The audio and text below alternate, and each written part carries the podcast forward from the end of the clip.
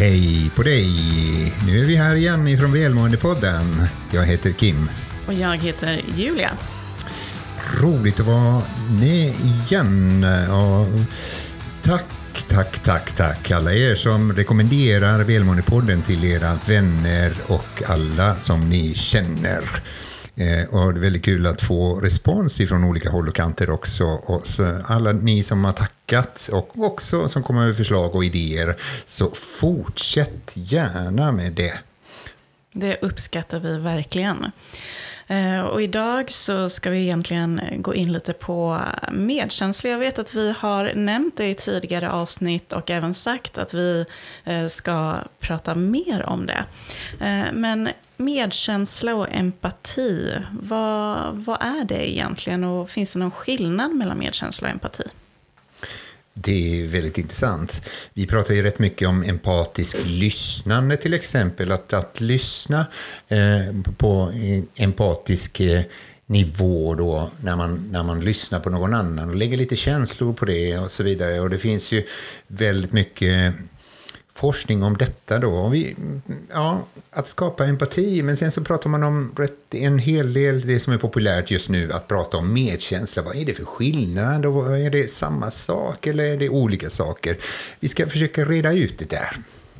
När jag eh, var med i ett forskningsprojekt så coachade jag eh, eh, många kvinnor inom vården.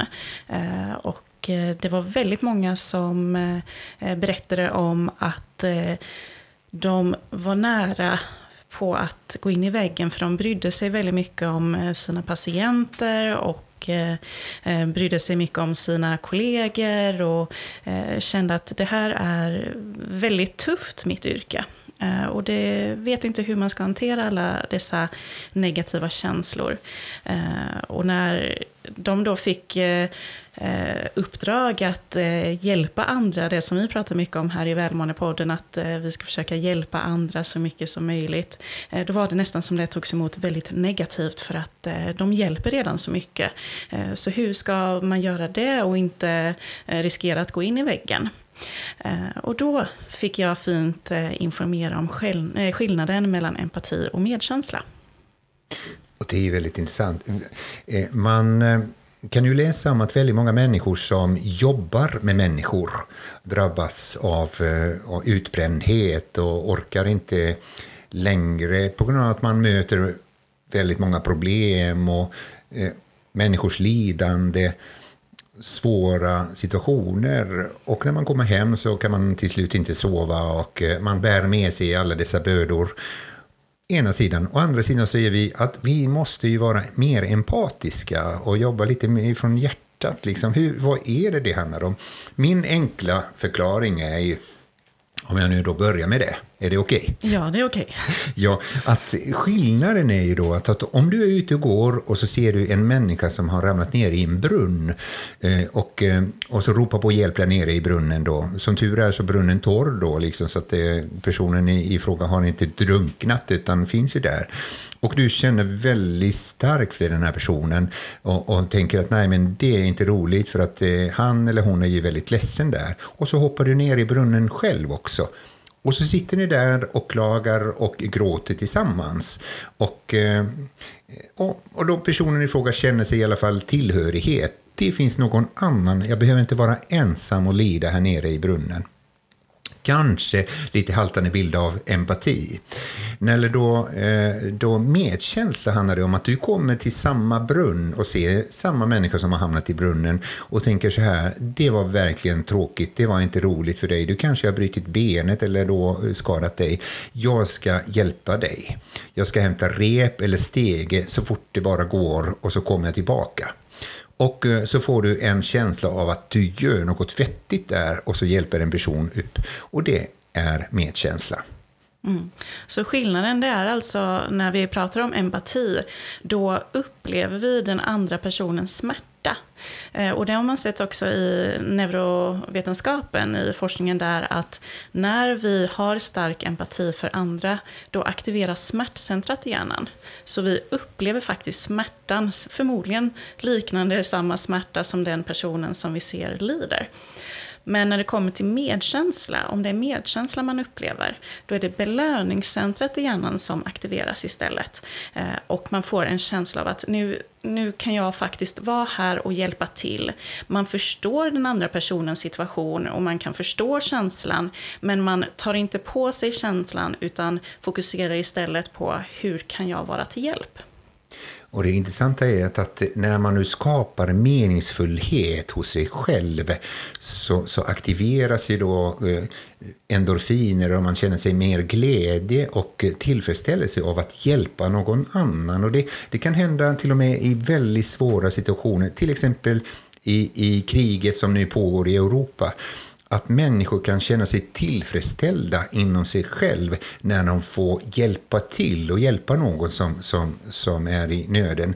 Men om man nu bara tänker på alla dessa människor som lider och svälter och eh, fryser och är skadade och, och eh, håller på att dö, men inte gör någonting och inte skapar den här känslan, så, så, så blir det en, en, en känsla av att man blir hjälplös själv. Och det går man, går man ner i botten istället då, liksom, hoppar ner i brunnen istället. För många år sedan så jag jobbade och hjälpte till i en eh, biståndsorganisation. Så, så när jag gick till eh, fikarummet där så kom det en biståndshandläggare, eller nej, han, han var katastrofhandläggare, eh, kallades eh, på den tiden i alla fall, då, liksom, i den organisationen.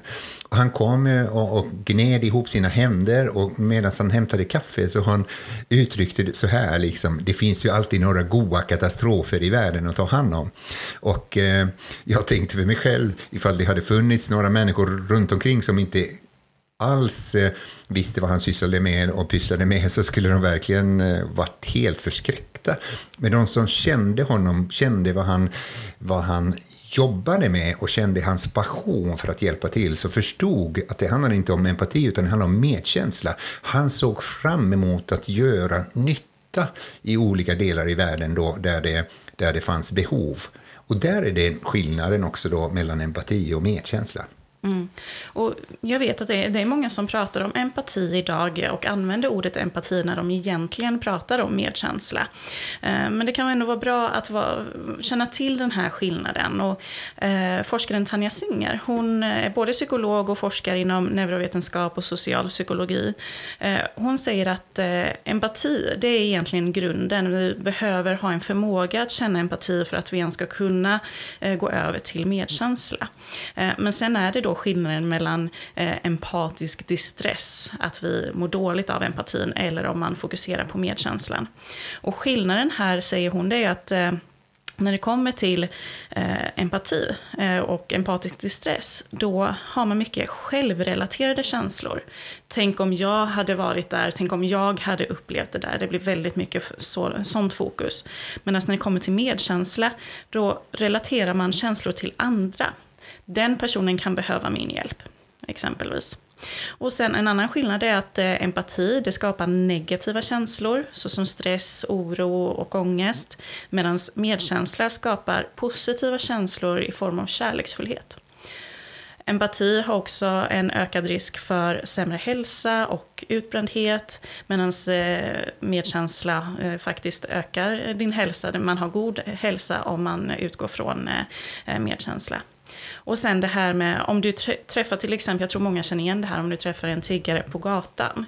Eh, om du då upplever mycket empati, då kommer det i längden bidra till att du försöker hålla dig undan från den här tiggaren, för du känner att den personen har det så tufft, och ska jag behöva se det här varje dag, eh, och den här misären.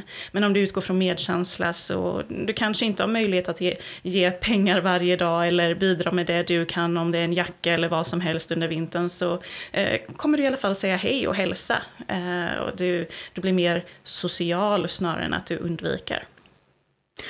Det är ju väldigt eh, intressant. Så, så egentligen i, i dagligdags i vår vardag så skulle vi behöva kanske tänka på alla de här människorna runt omkring oss, och både i närheten och långt borta.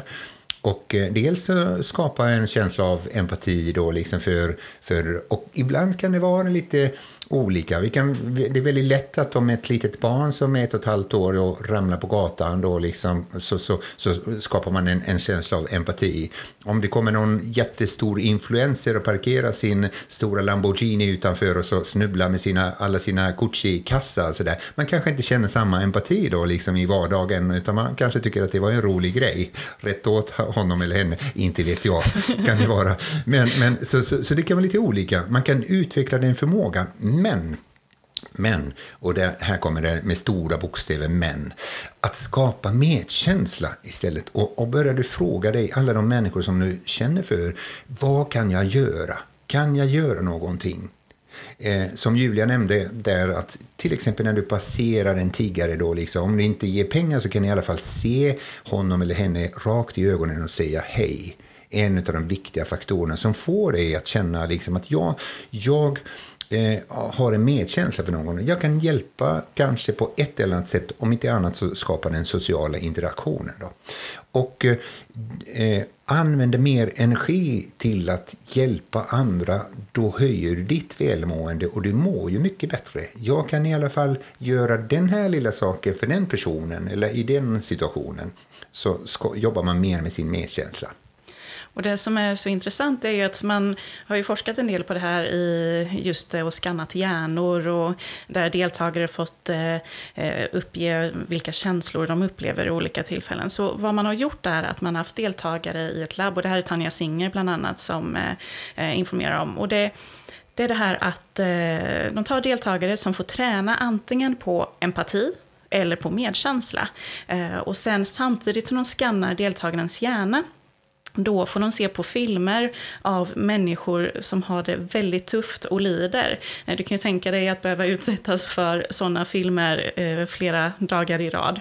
Ehm, men vad de kunde se då, det är att eh, de deltagarna i det här experimentet som tränade på medkänsla, när de såg på dessa filmklipp, då ökade deras positiva känslor. Först och främst i form av aktivering i hjärnan. Man kunde se de delarna i hjärnan som aktiveras i kombination med positiva positiva känslor. De satte igång. Men även efteråt så fick ju deltagarna uppskatta sina känslor. Där det visade sig att de, eh, de skattade högre i positiva känslor och lägre i negativa känslor. Och tvärtom var det för de som fick träna på empati. Att där var det, de mådde väldigt dåligt av att se de här filmerna. Både vad som aktiverades i hjärnan och eh, i deras eh, självskattning efteråt. Och här vill jag också tydliggöra, då kanske du tänker, ja men jag är ju en empatisk person, empati är det som är min grund. Men vad de också kunde se då att detta går ju att träna om.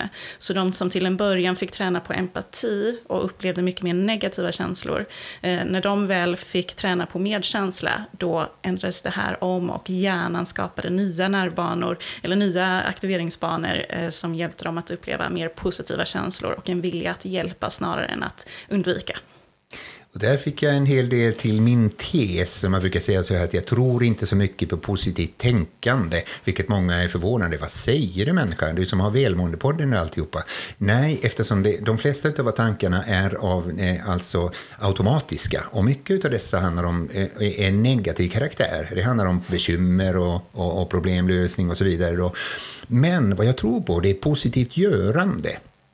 Så ibland kan vi hjälpa vår medkänsla genom att agera och då börjar tankarna också fokusera på, på resultat av detta och den, den förväntade resultat av våra goda gärningar. Så det ökar välmåendet rejält och då kommer även tankarna mer bli fokuserade på, på det positiva och det som, som riktigt har gått bra.